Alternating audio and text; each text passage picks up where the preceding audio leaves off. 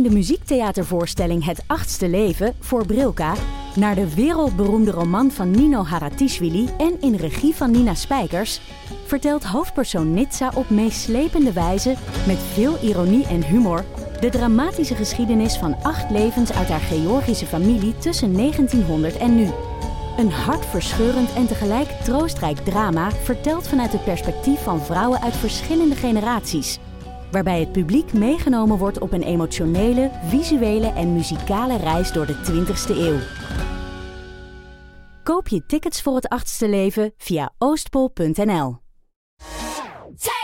Het nieuwe album van Taylor Swift is uit. Ja, hier hebben we echt heel lang naar uitgekeken. Wat vind je ervan? Als je het mij vraagt, is Taylor Swift grappiger dan ooit op dit album. Ik denk dat om tot de kern van het album te komen, je echt het allerlaatste nummer moet weten te beluisteren. Misschien had dat wel het eerste nummer moeten zijn. In Taylor's era reviewen we de hele plaat, nummer voor nummer. Waar gaat het album over en waar staat het in het oeuvre van Taylor Swift? Luister nu naar Taylor's era op Podimo en Spotify.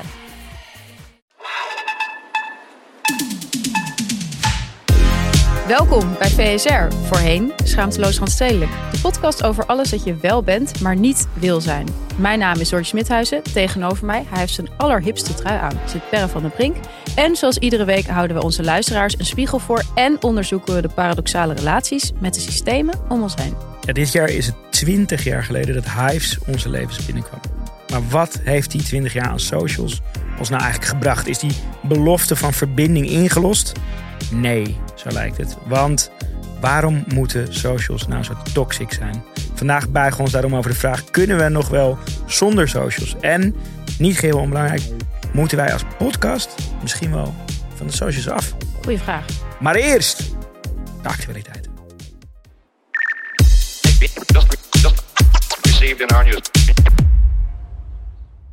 Ik, eh, ik was enorm gefascineerd door een trend eh, die de New York Times signaleerde, Mhm. eh, vlak voor het einde van het jaar. De Reading Party. Ja, Dat is dus een eh, heel hip feest. Mhm. In New York en Los Angeles worden die georganiseerd door de organisatie Reading Rhythms. ja. En die hosten dus die reading parties. En dan kom je dus samen met, ja, ik geloof een mannetje of 120 of zo. Mhm. In een soort hele hippe ruimte vol met banken en, en een soort van eh, heel prettig afgestelde lampen en zo. ja. Kom je daar samen, dan neem je allemaal je eigen boek mee.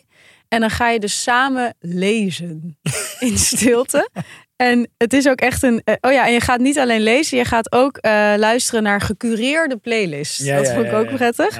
Ehm, en het idee was ontstaan omdat dus een paar millennials met een beetje ondernemingszin, die vonden het jammer dat ze dus door al hun sociale activiteiten nooit meer lazen. Dus toen dachten ze, nou, dat gevoel hebben vast meer mensen, dat kunnen we monetizen. Eh, daar gaan we een eventje omheen maken. Ja. Je moet 10 euro betalen om binnen te komen. Om mee te kunnen lezen. Ja, en er staan eh, me- meestal een paar honderd mensen op de wachtlijst. Dus meer nog dan dat er binnen zijn. En er is dus ook een heel soort van ja, Lowlands-achtig blokschema. Dus je gaat eerst een half uur allemaal lezen. Dan een korte break. Ja. Dan weer een half uur lezen. En dan is er een soort van ja, geleide praatsessie ehm, met de groep. Dus, dat- dus dat er dan bepaalde onderwerpen mogen worden aangedragen. Waarschijnlijk ook van tevoren net zo gecureerd als die playlist. En de avonden zijn altijd op eh, maandag of dinsdag om een non-weekend energy te garanderen. nou, ik, Oh, ik denk zoveel bij dit ding. ja, ik, ik had hier ook wel. eh, ik, ik dacht gewoon, mensen zijn kennelijk zo overprikkeld, Mhm. Maar ook zo lui geworden, zeg maar, in hun idee van eigen tijd invullen, dat ze dus geld gaan betalen om eigenlijk Te niks te doen. Ja. Ja, ja dat, dat is sowieso eh, een, een over trends gesproken. Ik zag in de afgelopen week ook iets soortgelijks. En dat was in Japan een spaced out zone eh, installatie, interventie of wa- wat het ook is. Maar in ieder geval dat mensen als een soort protest over de overprikkelde Ja. maatschappij zo lang mogelijk spaced out voor zich heen, voor zich uit ja, gingen ja. kijken. Dus dat paste helemaal in deze trend. Het tweede wat ik bij dit ding dacht was, oké, dit zijn gewoon alle kenmerken van een bibliotheek. Ja, Toch? Van ja. Een plek waar je Hebben wij, samenkomt. hebben wij hier ook? Ja. ja. Waar je leest. Ja, zo van... Ja, alleen die gecureerde playlist. Gecureerd. Ja. Maar ja, als er, als er, ik weet niet, ik ben nog nooit in een bibliotheek geweest waar muziek op stond, maar dan zou Ja. die in, in principe ook Ja, vaak heb je wel zo'n hele hinderlijke piano waar dan iedereen die Is ook een keer, gecureerde play- eh, playlist. Elise heeft geoefend, mag daar zijn kunsten laten zien. Ben ik altijd enorm tegen. En die toegang is gewoon het, ab- het Is- bibliotheekabonnement. Kost Dus, dat eh, geld eigenlijk? ja. Dat kost misschien wel een tientje, maar dan ben je wel voor het hele jaar Ja. weer down. Ja, Ja. Ja. Dus Ja, en in ehm, principe, ik bedoel, de OBA hier in Amsterdam kan je gewoon gratis binnenlopen hoor. Of je Ja. betalen. Kan je nee, gewoon een hoek uit de kast pakken. Kan je heel goed non-weekend energy nog eh, iets, eh, nemen. konden ze nog iets, kunnen ze nog iets van leren? non-weekend energy ook wel echt zo'n heerlijke term. Maar kijk, weet je, ik herken het in die zin wel. Dat ik heb bijvoorbeeld dat ik, ik vind het heel moeilijk. Nou, de laatste tijd lukt het me wel beter, maar in mijn eentje een serie kijken. Dat vind ik best lastig, want dan ga ik altijd allemaal ga ik mailen. Ja, en zo ga klopt, ik stiekem, ga ik stiekem mailen Ja. terwijl ik een serie kijk. Zo zielig. Ja. Maar terwijl als ik met een vriend of vriendin kijk, dan Kan je je aandacht ga ik het wel kijken. Dus in die zin snap ik het wel, maar het heeft ook zoiets leeg. spiritueel armoedigs. Dat is dan met elkaar. Zo. Ja, omdat ze anders, ja, anders gaan ze te veel doen of zo. Nou, het is denk ik ook dat, dat je het leeg vindt, is ook zeg maar deel van dat je toch stiekem ook wel begrijpt dat het wel werkt of zo. Ik snap dat deze vraag er is. Ja, precies. ja. En dat maakt het ook nog Dat leger. maakt het nog ingewikkelder. Ah, we gaan er Ehm, weer lekker in. Ja, nou, ik had nog een andere hele eh, opvallende trend. Mhm. Eh, of ja, eigenlijk ook een beetje weer het, het, het kapitaliseren van eh, gevoelens waar we misschien helemaal Ja, niet weten wat, ja. we, wat we ermee moeten. Eh, heb jij wel eens een situationship gehad? Die- eh, wat is de exacte definitie? Het was het woord van het jaar volgens Oxford Dictionary. Mhm. En het is dus eh, in het Engels dan even a romantic or sexual relationship that is not considered to be formal or established. Dan heb ik zeker wel situationships eh, gehad, ja. ja. Nou, je bent niet de enige, want de situationship is eh, enorm in opmars. Heel veel Gen Z'ers en millennials schijnen zich al dan niet uit eigen wil te bevinden in situationships. Lastig woord, hè? ja, best wel moeilijk. Heeft het te maken met, met Mike the Situation Wie is Mike the Situation? van Jer- Jersey Shore?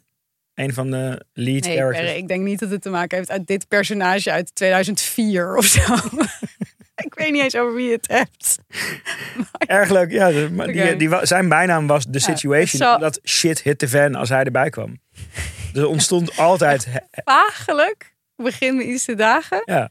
Ik sluit niet uit dat hij ook eh, economisch kan meeliften op, deze, op dit woord van het jaar. Ja. Maar tot die tijd is het vooral eh, het merk ehm, wat die hartjes verkoopt. Weet je wel, die hartjes snoepjes. Ja, ja, ja. Eh, daar had ik eigenlijk helemaal niet over nagedacht. Maar dat is natuurlijk gewoon een producent die maar één product verkoopt. Namelijk die hartjes die iedereen die je altijd bij een, ja, bij een bonnetje of zo krijgt. Weet je wel, met I love you of you're the one. Van die hele Hele beperkte, niet met de tijd meegegane... Precies, niet met de opkomst van een situationship. Nou, Ja. dat hebben zij ook bedacht. En daarom hebben ze een situationship limited edition eh, uitgebracht. Hè? Richting Valentijnsdag. Ze zijn er vroeg bij. En op die eh, hartjes staan dan dus de, de, de bekende liefdesbetuigingen, maar dan vervaagd. Ja. Ja. Dus het is niet, je zegt het, je zegt het niet niets, maar je zegt ook niet echt iets. Ja. En ik dacht wel, sorry, maar als ik in een situationship zou zitten, Dan zou, zou ik het echt 10 punten vinden voor degene met wie ik in de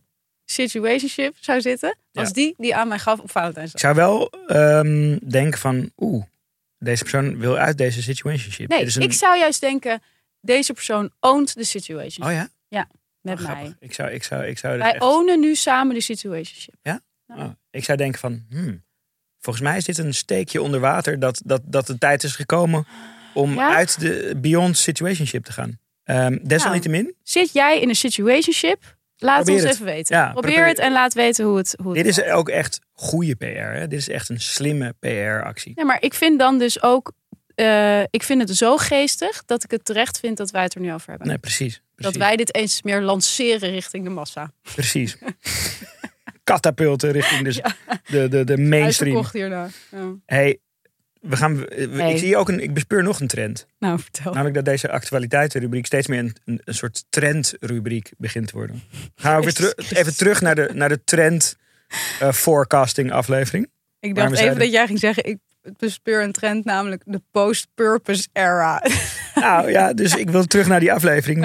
Want daar hebben we het gehad over dat eh, het erop lijkt dat merken eigenlijk beyond the purpose era gaan. En Mhm. eigenlijk gewoon de purpose naast zich leer, neerleggen. Neerleggen. Ja. En ehm, die, die, die voorspelling dat dat gaat gebeuren, wordt wel, vind ik, accurater met de week. Mhm. Jij vond dat ook, want jij had dezezelfde Ik had hem ook actualiteit ook eh had hem naar opgeslagen. jou doorgestuurd. Ja, klopt. Ehm, Lululemon, het Mhm. welbekende eh, yoga-merk voor de aantrekkelijke millennial, zo blijkt. Eh, die heeft een founder. En de rijke millennial. Ja, precies. Eh, nou, dat merk is natuurlijk afgelopen jaren ook de mainstream in gecatapult. Mhm. En dat heeft niks te maken met dat wij het er wel eens over Toen waren wij er ook nog niet. Nee, Nee. precies. Eh, die zijn gewoon succesvol Ja. van zichzelf. Bestaat ook nog. Maar met dat succes komt ook de ongunstige bijkomstigheid in, voor deze founder dat zijn merk door de verkeerde mensen wordt omarmd. Namelijk niet aantrekkelijke, te dikke, lelijke mensen. En daar is hij helemaal klaar mee. Echt? Ja. Maar ik heb, het, ik heb voor mijn gevoel dit artikel ook al een keer gelezen in... Hij, hij heeft zich. eh, 2017 klopt, klopt, klopt, klopt, klopt. Deze man toen heeft was er de, de, de, de klacht van Lululemon heeft maar maten ging over met... of zo. Of, Nee, volgens mij dat ze niet zulke grote maten Ja. hebben. Zei ja, klopt Zei inderdaad. het is ook Ja. niet voor dikke Nee, mensen, precies. had hij toen gezegd. Nee, dus eigenlijk is hij dan van, van deze trend misschien wel de fakkeldrager en de, de, de meest avant-garde persoon Ja. in de post-purpose era. Hij, hij, hij is gewoon Hij heeft gewoon Eh, unapologetically Ja. niet inclusief. Dat, dat werkte juist voor dat merk, dus voor mijn gevoel, hoe cynisch ook, Ja. positief.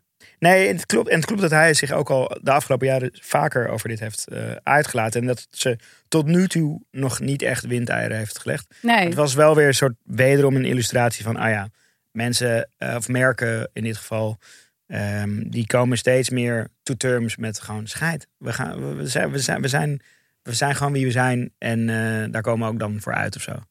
Eh, dus eh, ik ben benieuwd wat. zo stom vind ik dat. Ja. ja, het is ook wel een soort eerlijk ergens, Ja, maar het is ook wel jammer, ja. ja.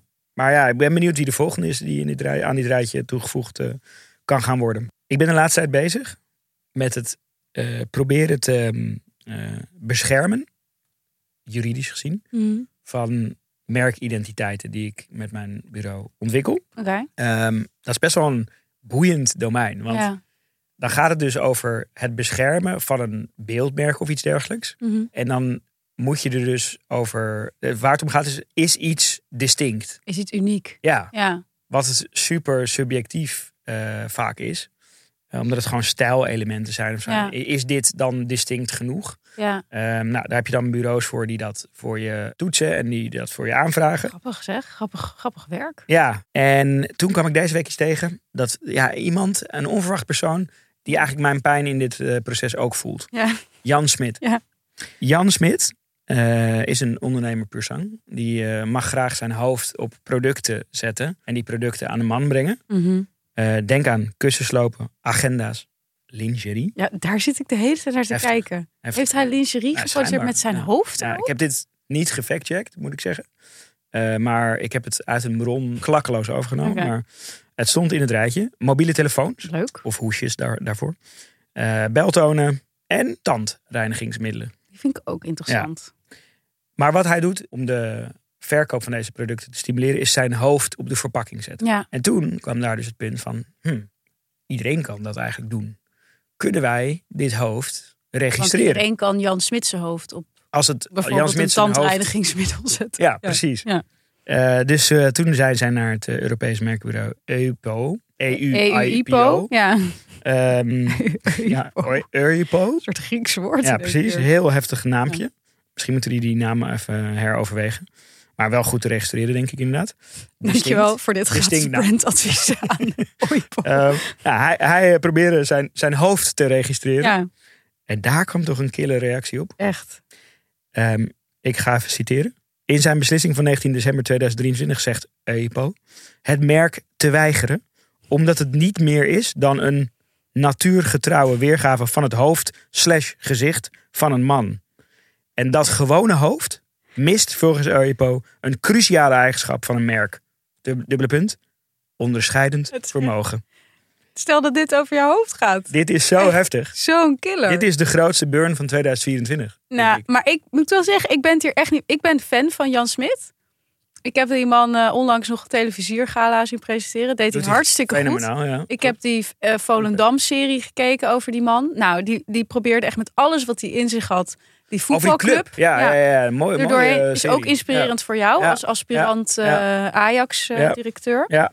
Dus ik vind, dat, ik, vind het, ik vind het dan toch pijnlijk dat iemand zo Ik op vond, zijn fysiek wordt afgerekend. Ook. killer dan Ja. kill. Ja, wel meteen zin om mijn eigen hoofd er doorheen te halen. Kijken wat. Jij? Nee, het lijkt me echt doodeng. Het lijkt me zo'n teleurstelling als dit, als dit de reply is die je op je eigen Het hoofd kan ook niet goed, weet je, dat Dat je zeggen, nou, zo'n onderscheidend gezicht. Ja. dan, denk je, Ja, dan is ja. er ook iets mis. Oké. Eh. Oké. Van onderscheidende gezichten naar onderscheidende Weet je ik carrières. altijd op hoop dat jij zegt? Dat vind ik namelijk zo'n leuke uitspraak. Ik ken niemand die dat zo casual zegt als jij. Jij zegt wel eens alle gekheid op een stokje. Dat zeg je gewoon. Dat zeg, dat zeg jij gewoon. Dus dat hoopte ik dat je het nu weer ging zeggen. Oké, okay, alle gekheid op een stokje. We gaan naar de eerste sponsor van vandaag. Bouw en infra.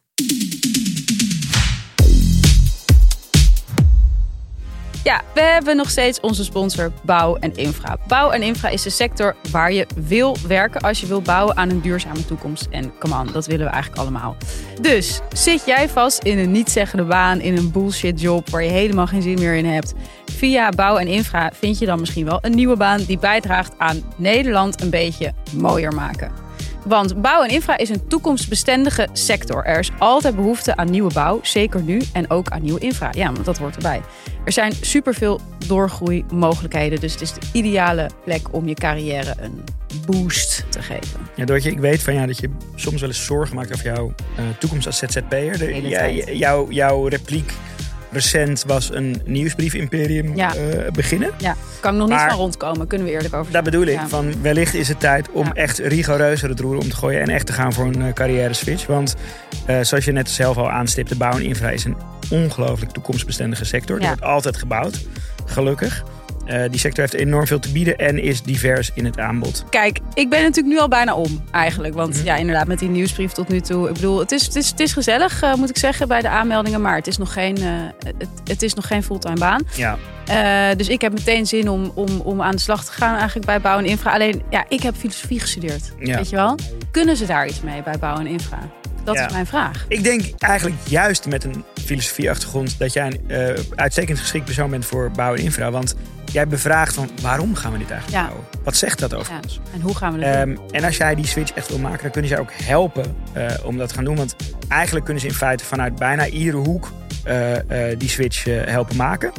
Ehm, en via de site jijgaathetmaken.nl eh, bieden ze ook een traject aan waarbij je stap voor stap wordt meegenomen in het maken van die allesbepalende en allesomvattende carrière switch die jou een glorieuze toekomst gaat Ja, en die Nederland mooier gaat maken en duurzamer. Dus maak vooral kennis met alle interessante en diverse functies die Bouw en Infra te bieden heeft op jijgaathetmaken.nl.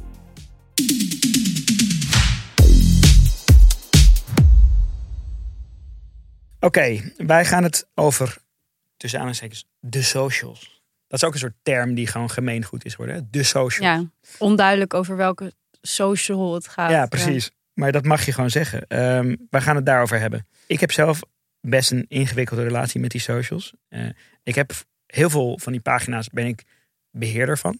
Mhm. Omdat ik allemaal verschillende bedrijven en Van activiteiten wat van Foster en Kin. Foster en Nieuwe Kin, Keuken. Nieuwe Keuken, ehm, VSR, Screaming Beans en die van mezelf. Ja. Ehm, Niet vergeten. ja, precies. Enorm succesvol Mhm. profiel. Ehm, en daar krijg ik die eh, notificaties allemaal van binnen. Ja, Dus dat zijn behoorlijk veel notificaties per dag.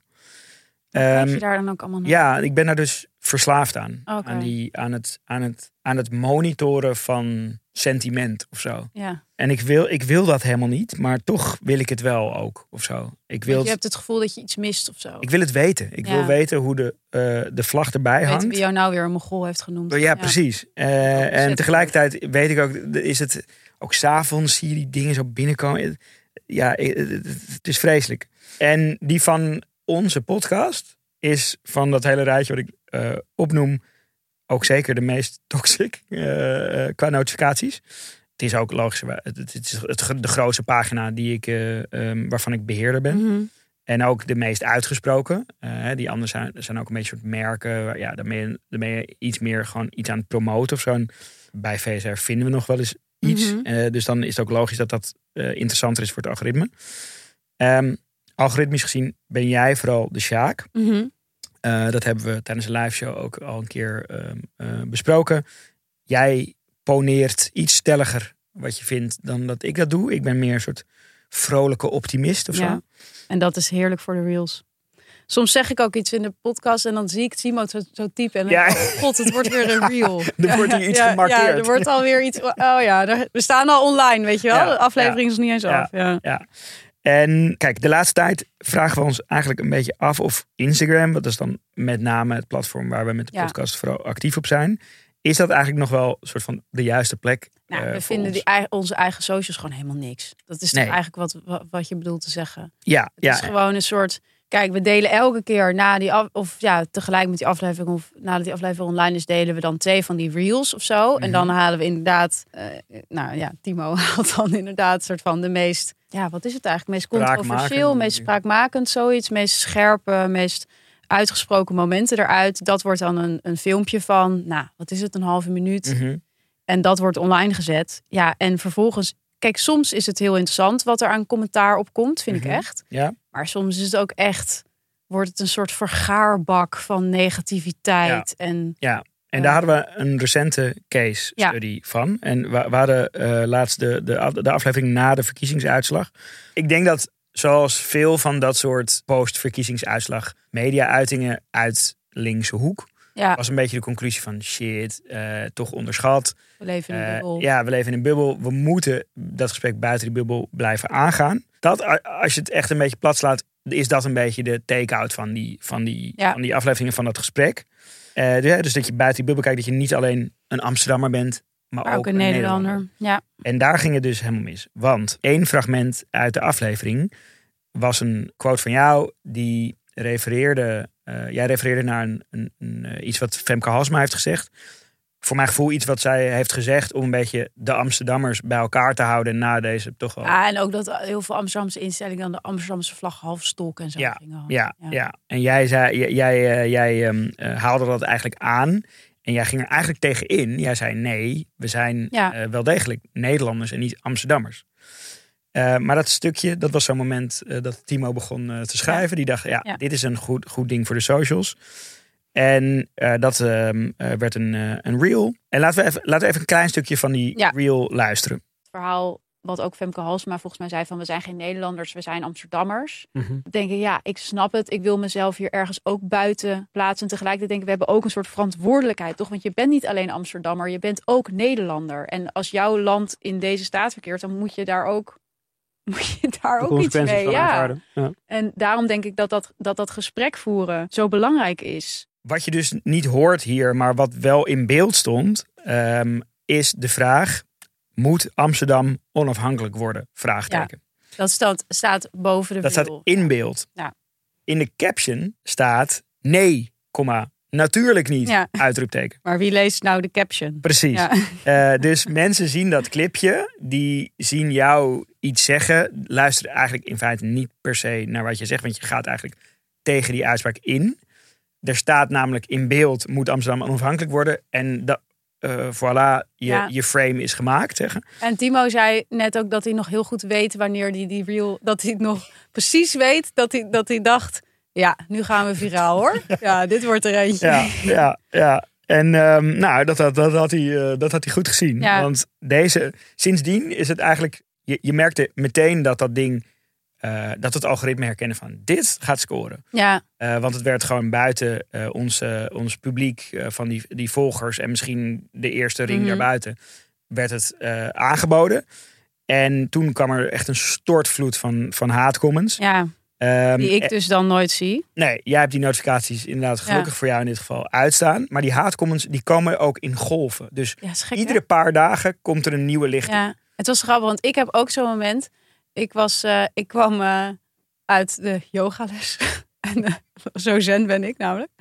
En ik heb die notificaties op een gegeven moment. Ik heb al mijn Instagram notificaties uitstaan. En zeker deze ook. Mhm. Maar dus ik kreeg een appje van iemand die denk ik wel zijn notificaties aan heeft staan. Namelijk Sander Schimmelpenning. Ah ja. Die appte mij van, eh, zo, het gaat wel keihard hè, online. Maar ik ben het helemaal met je eens hoor. Dus ik helemaal een soort paniekgolf. Ja. Weet je wel, dus dat, jezelf googelen. Wat is er gebeurd? Heeft iemand iets kuts over mij? ik gecanceld? Ja, ben ik gecanceld? Ja, en dus toen, en toen dus ik, uiteindelijk appte ik hem maar van, wat bedoel je? Ja. Weet je wel? Wat zei hij? Ja, toen zei hij, ja, die real. Ja. Maar ik, ik, ik, ik, kijk daar dan dus helemaal Nee. En dan, dan mis je het dus ook. Maar goed, toen ging ik natuurlijk wel kijken. Ja, en dan zie je dus als je kijkt, nou, dat ding heeft een paar honderdduizend views eh, en, en honderden comments. En eigenlijk zijn, we hebben even de, re- de rekensom gemaakt, 99,7% van die comments zijn Negatief. extreem negatief. eh, en 0,3% van de comments is positief. De ene, eigenlijk was er vooral één iemand heel eh, optimistisch over de nieuwe camera's. Ja. Ja, dat we gewoon eh, beter zo. uitgelicht Wat waren. goed licht. Ja, Ja. dat was echt Ja. een, een lichtpuntje nou, dankjewel. in, de, in ja. de commentsectie. ja. Maar goed, het, het idee van dat dat ding ook om de paar dagen zo opnieuw naar boven komt. Zo dat, dat, dat was zo'n beetje toch wel de aanleiding voor deze aflevering. Van, Ja. Jeetje, dit is echt zo fucking giftig. Ja. Ehm, het is natuurlijk makkelijk haten gewoon. Weet je, er staat boven, moet Amsterdam onafhankelijk worden. En dan zie je zo'n meid. Dan denk je, ja. zo'n elitair iemand. Iedereen zei ook van, eh, dit zijn geen Amsterdammers. En dat raakt jou heel Dat- erg, hè? Ik, ben, ik ben een fucking ras Daar heb je Amsterdammer. echt al twee Ja. keer over gehad dat jij Ja. zei van... wat komen ze dat we geen Amsterdammers zijn? Ik denk altijd, nou, laat ze maar denken dat ik niet uit Amsterdam... Dat geeft me nog wat cachet. Ja? Ja, Oh. dat ik een beetje nog verhuisd ben. ja? Ja, dat denk ik wel inderdaad ook een uiteindelijk. keer mijn spullen heb gepakt. Ja. Ja, ja, maar toch raakt het me dan altijd. Denk ik Ja, jou raakt flink- dat Ja, ik moet dan altijd denken aan, die, aan dat heerlijke filmpje van Van der Laan tijdens die Ja. raadsvergadering. Ik woon in de baarsjes, waar woon Precies. jij dan? Wat wil je nou? Ja, maar zij, kijk, iedereen denkt natuurlijk dat in Amsterdam iedereen gewoon klinkt als hazes. Ja, Wat wij ook, hoe wij ook klinken buiten deze podcast. We doen nu enorm ons best om netjes te spreken. Iedereen zei ook, is dit een sketch? Ja, maar dat is een soort. Ik heb het idee dat is dit een sketch? Ja. Is zo'n de nieuwe. eh want mensen zeiden ook heel vaak. Die moet even geneukt worden. Ja. Dat zijn gewoon een soort van standaard uitingen waarvan mensen volgens mij niet eens meer echt doorhebben wat, wat ze ermee Wat het, bedoelen. nee, Ja. het is gewoon eigenlijk toepasbaar op alles wat jou qua mening niet zint. Daar, Ja. daar- daarvan zeg je dan, is dit Want een ik denk sketch? dan ook nog van, zou, zou het nog zo zijn omdat we ook, ook een periode concreet een sketch zijn geweest? Eh, Ja, dat zou, dat zou ermee te, eh, te maken kunnen hebben. En Dat, Wat eh, ook een leuke tijd was. een hele leuke tijd, ja zeker. Kijk er nostalgisch op terug. Ja. Kijk, ik, ik ben heel dubbel over die socials. Want eigenlijk, bijvoorbeeld die, die eh, aflevering die we hebben gemaakt over eh, eitjes invriezen en vruchtbaarheid Ja. bij vrouwen. Daar hebben we ook een reel van gemaakt. En Ja. die is ook iets van 300.000 keer Die ging bekeken. positief viral. Maar die ging positief viraal. Ja. Want, want daar gingen mensen ook op reageren. Maar dan vaak, eh, ja, dus bijvoorbeeld dat ze zich erin herkenden. Of wat hun eigen ervaringen waren. Daar ontstonden dan ook wel gesprek. gesprekken. En ook wel discussies. Maar dat waren wel mensen die ja, echt nadachten over dat onderwerp. Dus eigenlijk wat je ziet is zodra die dingen echt viraal gaan. En dus in een sfeer komen ja, buiten de context van onze podcast. En misschien ook buiten de, ja, de interessegebieden van de dingen die wij bespreken of Mhm. zo. Dat dan wordt het gewoon een soort verzamelplaats van ja, haat en ook echt vooral misogynie komen zo nog op. Ja. Maar dan gaat het ook volgens mij helemaal niet meer om wat mensen zien. Volgens mij kijken ze gewoon één seconde in dit geval naar moet Amsterdam onafhankelijk worden en naar mijn hoofd. En misschien luisteren ze één seconde naar mijn stem en dan denken ze, ah, wat een kaktrut. Eh, Ja. En dan wordt het een soort van, bijna een soort van ontmoetingsplek voor mensen die het lekker vinden om op die manier te reageren. Ja. Ja, het, het, en, en, en het, het interessante aan deze case study vind ik dus dat wij dat over onszelf hebben afgeroepen. Mhm. Door dus dat ding op dat beeld te zetten. Dus dat je toch, de, dus dat je toch naar de regels van het algoritme gaat leven. Ondanks dat je eigenlijk weet Ja, dat het dus gewoon niet goed is. En wat, wat hebben we hier ook aan? Zeg maar, wat het extra bereik wat je met die reel Ja, genereert. hebben niks aan. Want echt, echt die mensen die, die, Die zijn echt niet niet in één keer Nee. naar Visser. Die gaan, die gaan helemaal. Ik bedoel, waarom doen we deze? We willen onze huidige luisteraars eh, eh, ja, een beetje verdieping geven Ja. op die aflevering. Eh, community bouwen. Ja. Door ja, een betere band met je luisteraar op te En een beetje nieuwe luisteraars vinden. Maar dat nieuwe luisteraars vinden is in dit geval, gaat helemaal niet op. Nee. Het zijn jouw haatluisteraars wellicht. Nee, maar- en het is natuurlijk gewoon heel, heel eh, lastig om zeg maar buiten dat algoritme te denken ook. Als je eenmaal op zo'n platform zit. Want ik merk dat nu ook al met die nieuwsbrief bijvoorbeeld. Dat je dus, en ik probeer, daar ben ik ook al de notificaties voor aan het uitzetten trouwens. Maar dat je toch bezig bent met van, oké, hier klikken zoveel mensen op. Ja. Eh, waarom klikken ze hier op? Waarom doen ze niet dit? Weet je wel? En je kan daar op Substack kan je nog veel uitgebreider zien hoe mensen eh, zich gedragen en reageren op wat je doet ja, eigenlijk is dat gewoon een soort Instagram 2.0. Alleen wat natuurlijk verschil daar is, is dat je niet een openbare comment sectie hebt. En Ja, maar maar bijvoorbeeld- dus niet naar elkaar kunnen door, zoals mijn nieuwsbrief is betaald. Dus dat kan je niet, dat wordt geen vergaarbak. nee. Maar je ziet dus wel achter de schermen dat jij dus Ja. eigenlijk al nu al, vanaf het, vanaf het begin dat je dat ding opende, op een niet Ja. echt gezonde manier Ja. met die data al bezig die, was. al toch? die lijnen aan jullie laten zien. Ja. Eh, ja, maar van, van, dat, is, dat, dat dus is dus direct gebeurd dat. Nee, dat gebeurt meteen. En dat is natuurlijk wat. Kijk, ik kan geen sociaal platform bedenken op dit moment wat dat niet in zich heeft. Dus de verslavende werking zit altijd in dat Ja, model van groei, Ja. eh, eh, kliks genereren, weet je wel. En dat is natuurlijk, ja, inderdaad waar, waar wij ook, waar Ja, wij ook mee is- hebben gedaan met die, met die Instagram in elk geval. Maar ja, waar we nu ook wel weer vanaf willen, toch? Want ik ja maar, dat, maar, maar dit is ook, eh, want er wordt al jaren gezegd over social media van nee, het, er komt nu een nieuwe golf aan en dan gaat het eigenlijk over niche social media. En dat is ook iedere keer het geval geweest. Weet je, van toen eh, eh, Instagram opkwam, was het een foto-app. Toen Clubhouse opkwam, was het voice Ja. chat. Eh, het, het begint altijd met een klein niche dingetje. Dan wordt het heel snel groot. Wordt er heel veel geld in gepompt. En dan moet dat geld op een gegeven moment renderen. Dus dan moet het groter worden. Dus dan gaat het om het vasthouden van die aandacht. Ja. En dan krijg je dat algoritme. ja, Eh, en, en op een gegeven moment was er ook zo'n Silicon Valley cre- credo. If it's outrageous, it's contagious. En dat is eigenlijk gewoon de samenvatting van dat, van dat algoritme. Wat voor al die platformen geldt, toch? Van ja, hoe, hoe heftiger en hoe polariserend het is, hoe, hoe beter mensen erop gaan reageren. ja, Ooit, eh, dat, dat, daar begon ik ook in de opening met hives. ja. Als, ik, als je daar aan terugdenkt, dat was zo cute en lief of zo. Dat ging, dat ging voor mijn gevoel destijds echt nog om verbinding. Om die oude vriend van vroeger terug te vinden. En zelfs Ja. Facebook had dat op het begin ook wel. Of Friendster, eh, als je echt oud bent. Ik denk alleen maar als ik daaraan denk dat ik dan al mijn vakantiefoto's daarop zette. Ja, maar, me- het, het- Italië, Italië 2009. Ja, maar, maar, maar, dat deed je bijvoorbeeld ook omdat het, het voelde ook klein en, veilig om dat te doen. En ja, het, het ging echt om het terugvinden van die persoon die je ooit van vakantie kende of zo. Dat. Het had een soort hele lieve eh, eh, intentie of zo. Mhm. En als je dan nu kijkt wat het geworden is. Ik, ik, ben, ook, ik ben bijvoorbeeld echt benieuwd.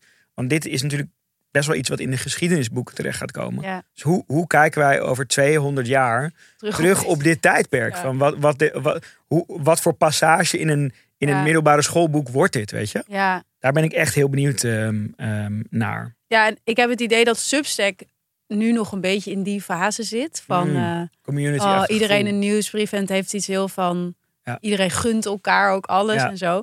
Maar tegelijkertijd zie je dus ook al hoe...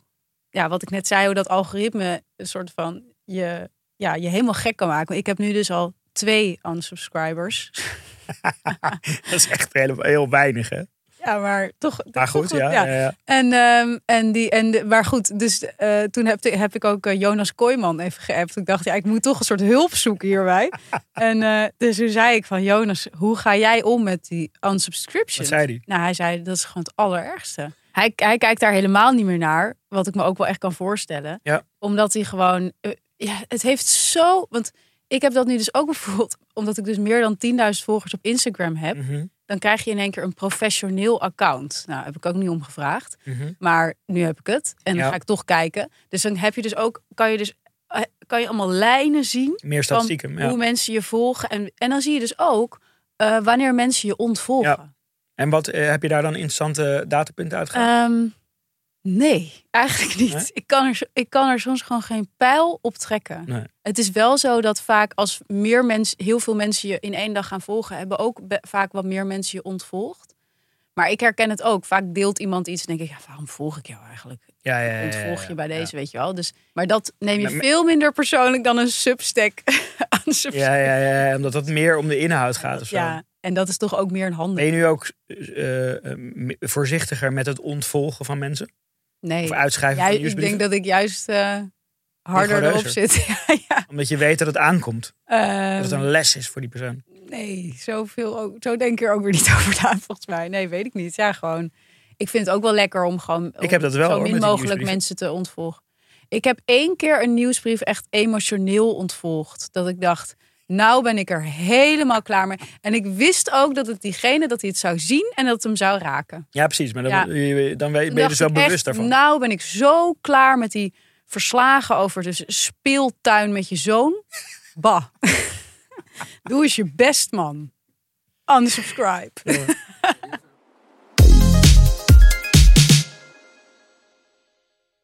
Ik heb het tijdens terug een, een ehm, heel interessant onderzoek ehm, gevonden van het Center for Countering Digital Hate. Een leuk center. Goeie, ja. Ehm, centrum. Die hebben allemaal profielen gemaakt op TikTok. En eigenlijk een soort van twee type profielen. Eén controlegroep van een soort minder kwets, een tiener die niet zo kwetsbaar is. Mm. En dan verder ehm, allerlei tieners die eh, eh, bovenmatig kwetsbaar zijn op bepaalde gebieden. Dus één, één profiel die receptive is voor suïcidale gedachten. Mhm. Eén profiel die eh, worstelt met ehm eh, eetstoornis-achtige Ja, ja. En dan gingen ze kijken, als je die persoon op TikTok subscribt en die gaat dan na het eh, creëren van een profiel een aantal profielen liken en interacteren met ja, ja. bepaalde content in die wat voldoet aan dat Mm. archetype persoon. Hoe lang duurt het dan voordat je in een loophole van die kwetsbaarheid Mhm. terechtkomt? Nou, daar kwamen echt best wel schokkende eh, dingen uit. Bijvoorbeeld dat die, eh, dat, die, dat, dat archetype tiener die ehm, vatbaar was voor suïcidale gedachten.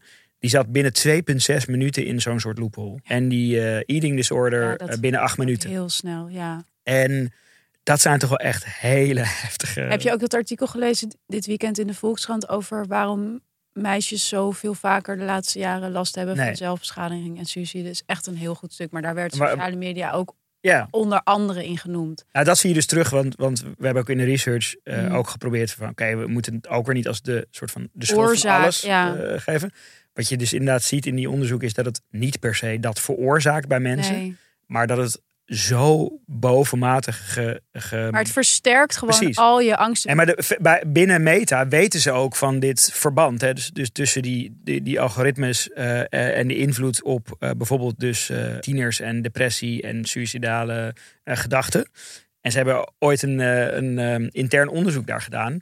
En dat hebben ze met alle mogelijkheden geprobeerd intern te houden. Maar het werd op een gegeven moment door een klokkenluider Mhm. gedeeld. En toen kwam het volgens mij in de Wall Street Journal of zo eh, terecht. En dan hebben ze daarna weer een soort reactie gedaan. Maar is dat allemaal nuanceren? Ja, het gaat altijd over. Ja, maar je kunt het ook uitzetten. Of weet ik veel wat. Weet je wel. Van je kunt allerlei dingen doen, eh, zeggen ze dan. ja, Maar zeg maar het fundament. eh, Dat dat algoritme dat stelselmatig ja. amplified naar kwetsbare mensen. Maar het is gewoon waar ze geld aan verdienen. Ik bedoel, ze verdienen geld aan data Ja. van onzekere mensen, zodat ze er uiteindelijk advertentieinkomsten mee kunnen genereren. Ja, precies. En, En, mensen blijven langer scrollen als ze zich op die manier aangesproken voelen. en, naar het schijnt hebben ze dus ook die hele naamsverandering naar Meta. Komt ook hieruit voort. Ja. Dus dat ze een nieuw merk wilden creëren.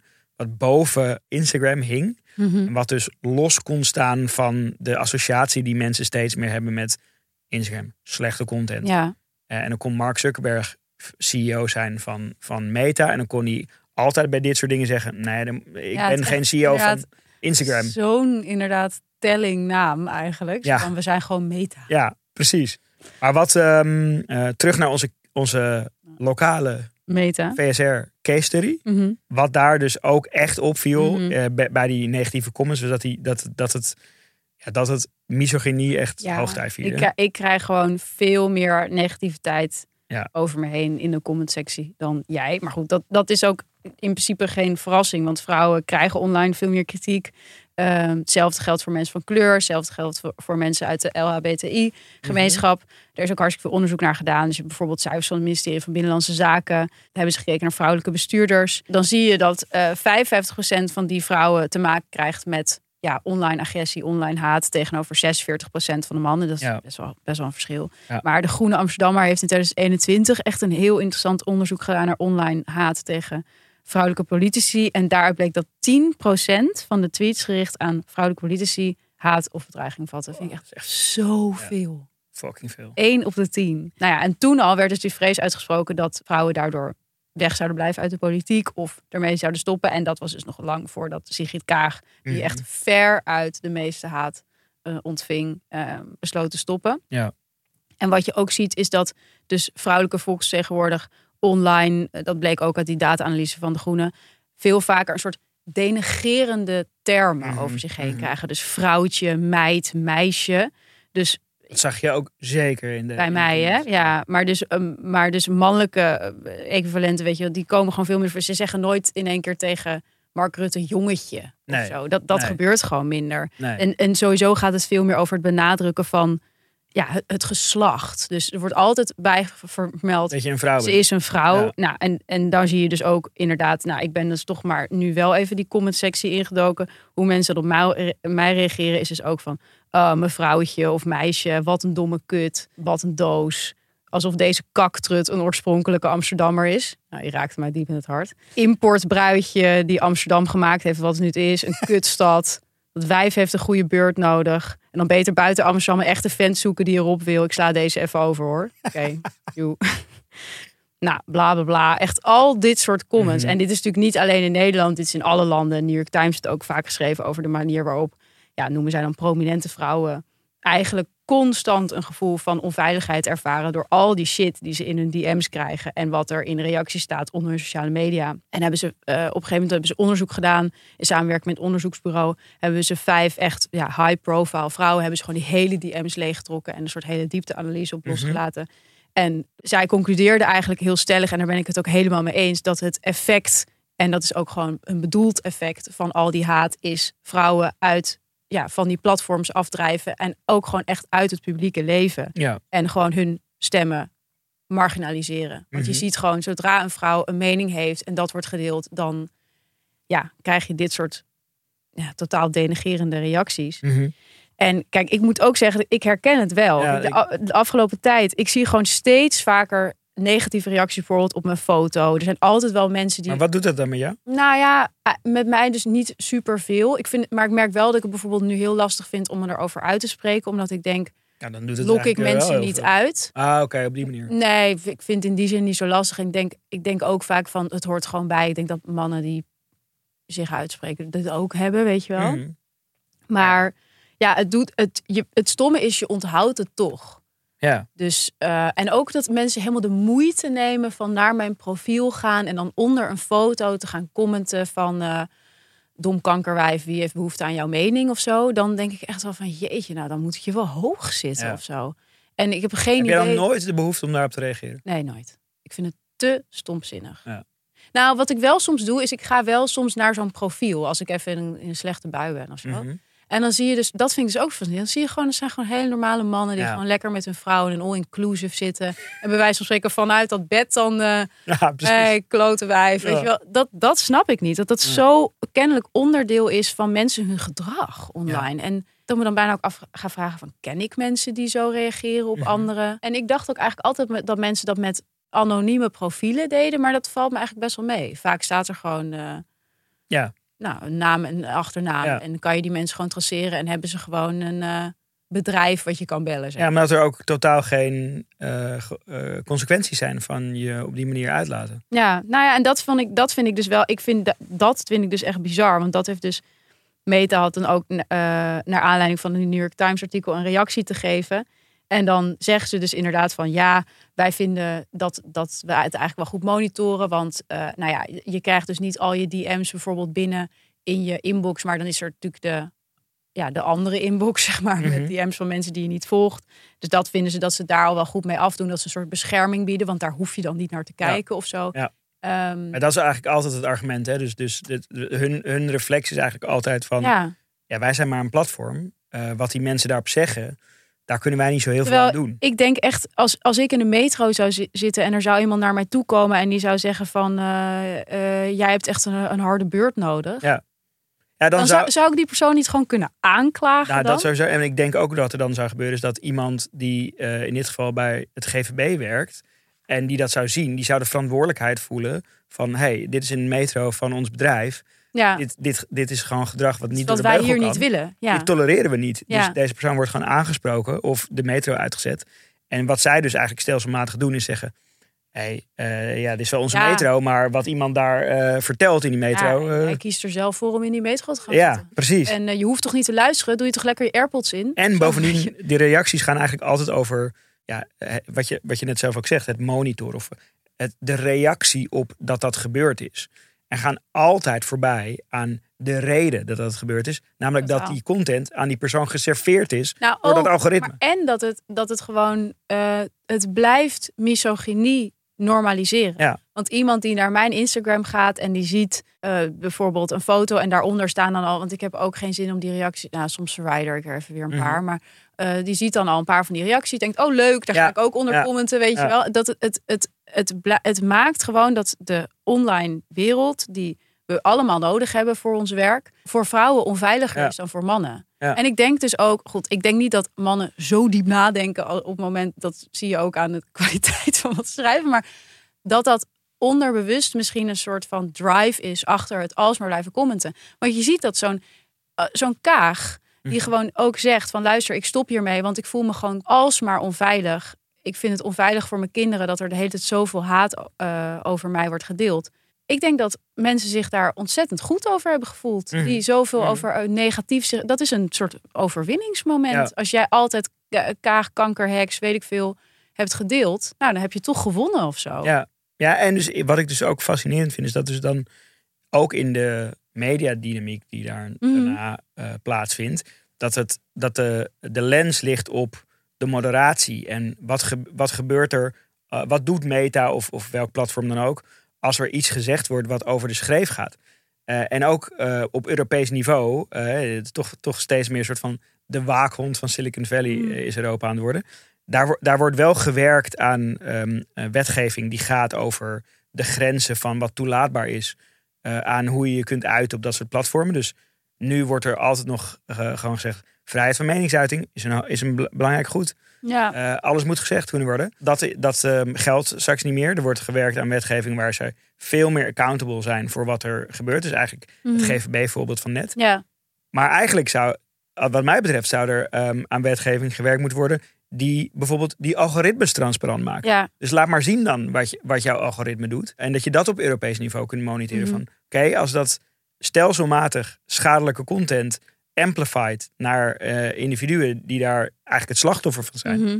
dan mag dat gewoon niet. Nou, ik, denk, ja, zo, ik ben daar ook heel erg voor. Maar ook omdat het dus, het heeft ook effect op eh, traditionele media. Want dat had de Groene toen ook uitgezocht in dat ehm, onderzoek. Is, eh, toen hebben ze ook een analyse gedaan van 245 interviews in kranten en tijdschriften met mannelijke en vrouwelijke politici. En dan zie je dus ook dat daar eigenlijk de Mhm. norm van vrouwen steeds maar bejegenen als Ja. vrouw. Ja. Eigenlijk, dat dat daar ook heel erg normaal is. Dus in, eh, in gesprekken met mannen hebben ze het dan vooral eh, over die woorden van Ja. miljarden, financiën, plannen. En bij vrouwen gaat het dan vooral over vrouw, dochter, moeder, ouders, meisje. Ja. Echt bizar. Weet je wat ik ook een frappante statistiek daar, daaruit vond? Dat het woord man Ja. in interviews met vrouwen bijna twee keer zo vaak voorkomt als in interviews met mannen. Ja. Zo van, wat, wat vind jij van mannen? Fucking lijp, Ja. toch? Maar dan zie je hoe, zeg maar, dat... ehm, hoe, hoe diep geworteld het eigenlijk Nou ja, wat het, wat het ook gewoon doet met wat we aanvaarden als ja, frames of als manieren Mhm. om over vrouwen te schrijven. Als het online alleen maar kut en hoer is, dan ja, is het ook niet heel gek dat het dan offline zeg maar vrouw en dochter is. Eh, wij gaan ons zo buigen ehm, over de vraag of we wel of niet van de socials af moeten. En eigenlijk gaan we er gewoon op blijven, denk ik. Eh, maar hoe gaan we ons dan verhouden tot dit systeem, tot deze algoritmes, tot deze tendens, tot deze dynamieken? Wat moeten we hier nou mee? Wat een vragenperre. Ja. Wauw. Voordat we dat doen, gaan we naar onze tweede sponsor vandaag, Triodos. Wij hebben, tromgeroffel, een hele leuke nieuwe sponsor. Ongelooflijk on-brand sponsor. Ik ben ook wederom klant van deze sponsor, de Nou. Triodos Bank. Kan nu al niet meer stuk bij jou. Nee, nee Triodos Bank is toch, eh, als je het over virtue signaling hebt, toch een van de duurzaamste banken. Daar kan je mee gezien worden. Ehm, en eh, door te bankieren eh, bij Triodos Bank werkt je geld aan een fossielvrije toekomst. En om in jouw woorden te blijven, wie wil dat nou niet? Uh, Triodos Bank financiert nooit direct de productie of verkoop van olie, gas en kolen. Dat doen ze al echt al tientallen jaren. Um, en dat is hele belangrijke informatie als je een spaarrekening hebt bij een bank. Want heel veel banken doen dat wel. Um, want weet jij eigenlijk wel wat er met jouw spaargeld gebeurt?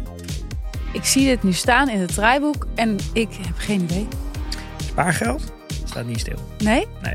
Dat is niet, dat staat daar niet uh, gewoon vieze dingen neer. geïnvesteerd. Het wordt gewoon geïnvesteerd. Um, en heel veel banken uh, investeren dat toch in goed renderende dingen als olievelden. Mm. Um, en Triodos Bank doet dat eigenlijk vanaf oprichting gewoon nooit, niet. Um, een spaarrekening bij Triodos Bank is fossielvrij. Ja, want bij Triodos Bank lenen ze het spaargeld van hun klanten niet zomaar uit. Ze onderzoeken bedrijven en projecten nauwkeurig en bekijken hun impact op sociaal, cultureel en ecologisch gebied. Bij Triodos Bank gaat je spaargeld alleen naar duurzame ondernemers die een positieve bijdrage leveren aan de samenleving. Ja, kan het beter? Ik denk het niet. Je spaargeld werkt dan dus aan schone energie, meer biodiversiteit en een duurzamere woningmarkt. En hoef je dus helemaal niks voor te doen. Je hoeft alleen sparen bij Triodos. Zo makkelijk kan het soms zijn. Zo is en blijft jouw spaargeld fossielvrij. Dus start met fossielvrij sparen bij Triodos Bank. En ben je nou benieuwd wat Triodos Bank wel en niet financiert? Of hoe Triodos een fossielvrije economie stimuleert? Ontdek dat dan via triodos.nl slash VSR.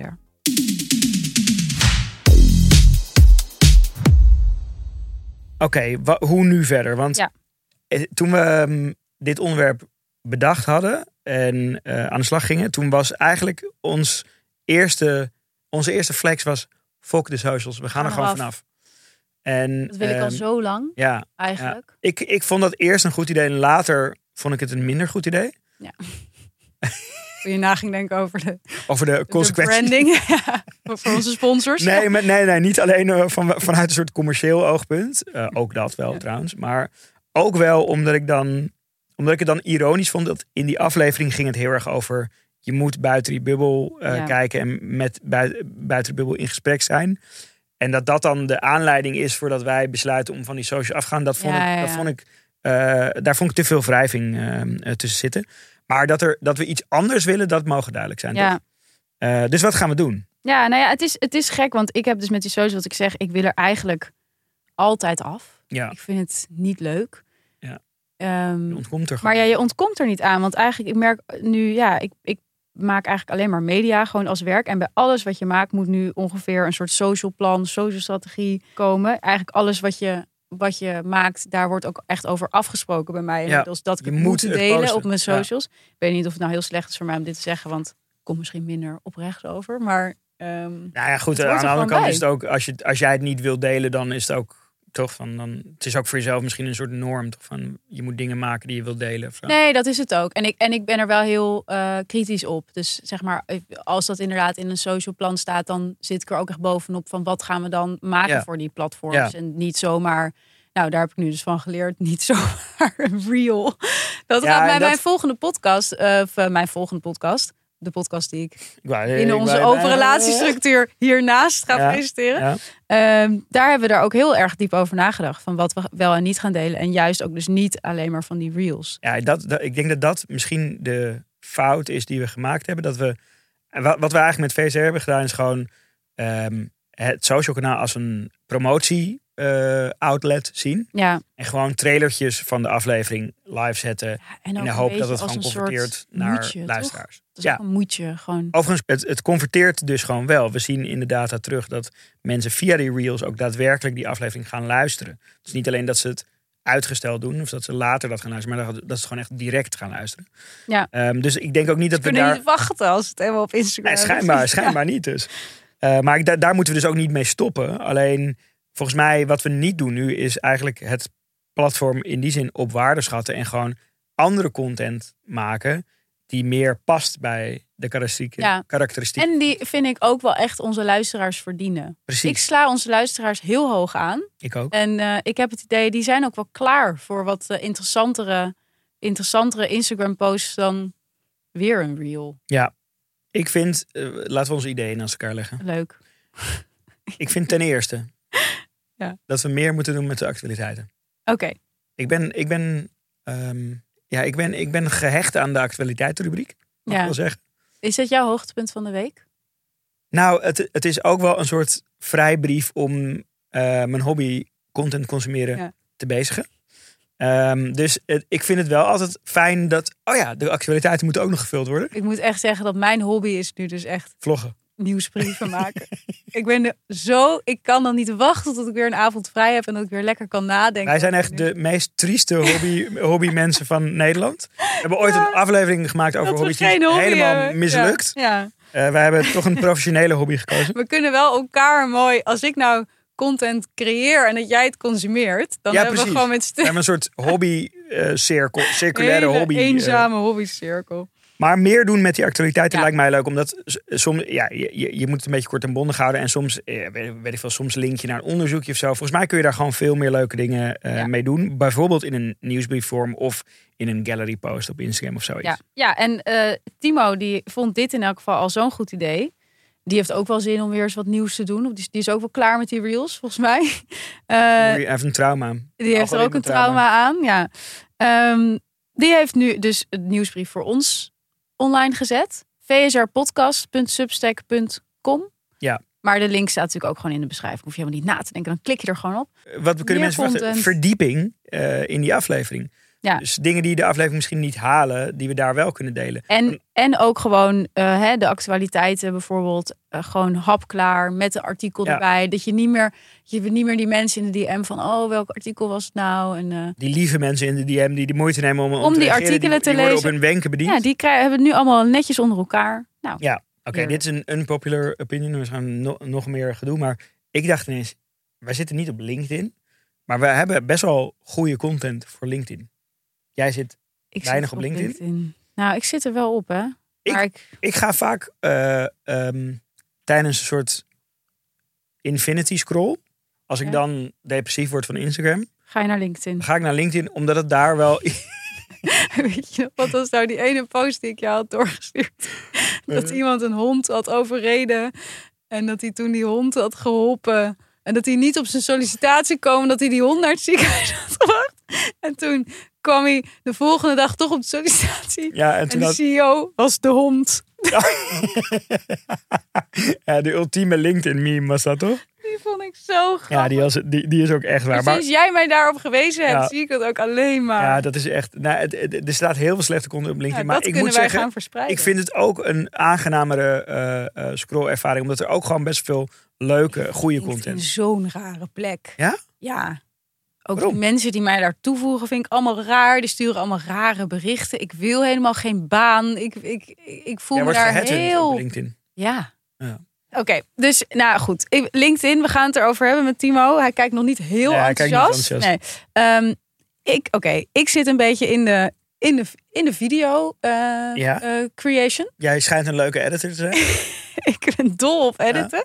Vind ik echt heel leuk. Dus ik dacht, waarom gaan we niet ook meer videocontent maken voor ehm, onze Instagram? Dat Ja. hebben we in het begin best wel veel Ja. gedaan. Gingen we bijvoorbeeld, hè, toen die TikTok-rij nog een interessant onderwerp was, gingen we daarbij staan, gingen we filmen. Was echt leuk. Mhm. Ik vond dat leuk om te doen. Ik vond het leuk om te editen. Dus ik dacht, kunnen we dat niet wat meer doen? Dat we wat meer. eh, bijvoorbeeld, ik vind dat het eh, Instagram-kanaal van Boos dat wel heel goed doet. Dat je gewoon wat ja, aanvullende video's maakt bij je afleveringen. Dus dat het niet meer is van dit is gewoon een deel van de aflevering, doe het er maar mee. Maar Mhm. gewoon een aanvullend videootje. Ja. Wat ik heel leuk vind is als we onderzoek doen onder onze luisteraars. En dat dat soms de basis vormt voor een aflevering. Dan vind Ja. ik het echt. Dan gebruik je echt een platform op een toffe manier. Maar ik weet ook dat heeft podcast over media, die hebben die niet een Slack. En ze hebben een Telegram kanaal. Ja, nou, dat lijkt me ook leuk. Ongelooflijk actief. Ja, Eh, allemaal sub, subkanalen met allemaal verschillende onderwerpen. is dat niet ook leuk? Ja, oh, Timo knikt. Oké, Ja. dat is wel heel positief. Ja, en, maar dat betekent Ja, dus Gaan we wel. verder naar kijken, zegt hij. Hij zegt geen ja, geen nee. LinkedIn is afgeserveerd. Ik zag net alweer een soort backspace eh, gaan.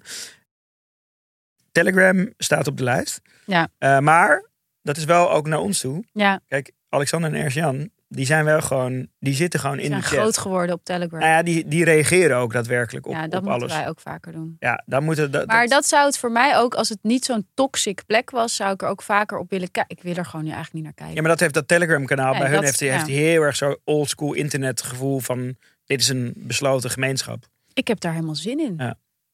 Ik denk dat we Ehm, dat moeten doen. Nou, allemaal goede plannen. Ik, krijg echt, ik heb echt weer zin. Het is, het is grappig hoe deze eh, aflevering van een soort heel grimmig beeld van social media en algoritmes eindigt in een, in een heel leuke brainstorm over super toffe content. Die Oh ja, Per. toevoegen. Dat vind jij leuk, toch? Ja, dat Beetje positief van. Eindigen. Ja. De CEO Ja. was de dog. en wat we nu gaan doen, in elk geval, we, we gaan allemaal onderzoeken wat we de komende weken aan nieuwe, aan nieuwe socials uit de grond gaan stampen. Maar in elk geval, Schrijf je in op die nieuwsbrief. schrijf je in op de nieuws. Maar ik wilde zeggen, Oh. alle reels weg. Weg met die reels. Alle reels weg. Ja. Ik ben er helemaal klaar Weg mee. met die Ik wil het niet meer voeden. Ik wil het niet meer zien. Ja, maar we halen nu toch gewoon even alle reels weg. En dan daarna... We doen als een Halen we niet beetje... gewoon alles weg? Oké, er ontstaat een discussie. Ja.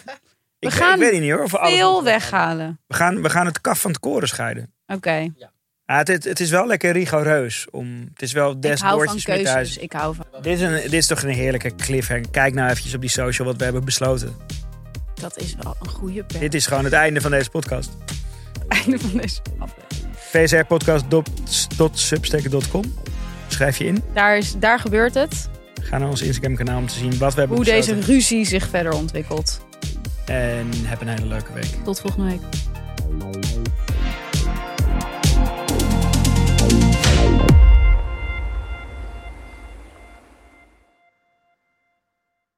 Nog even over die grootse en epische muziektheatervoorstelling. Het achtste leven voor Brilka is een marathonvoorstelling van 5 uur. Koop je tickets voor deze bijzondere theateravond via oostpol.nl.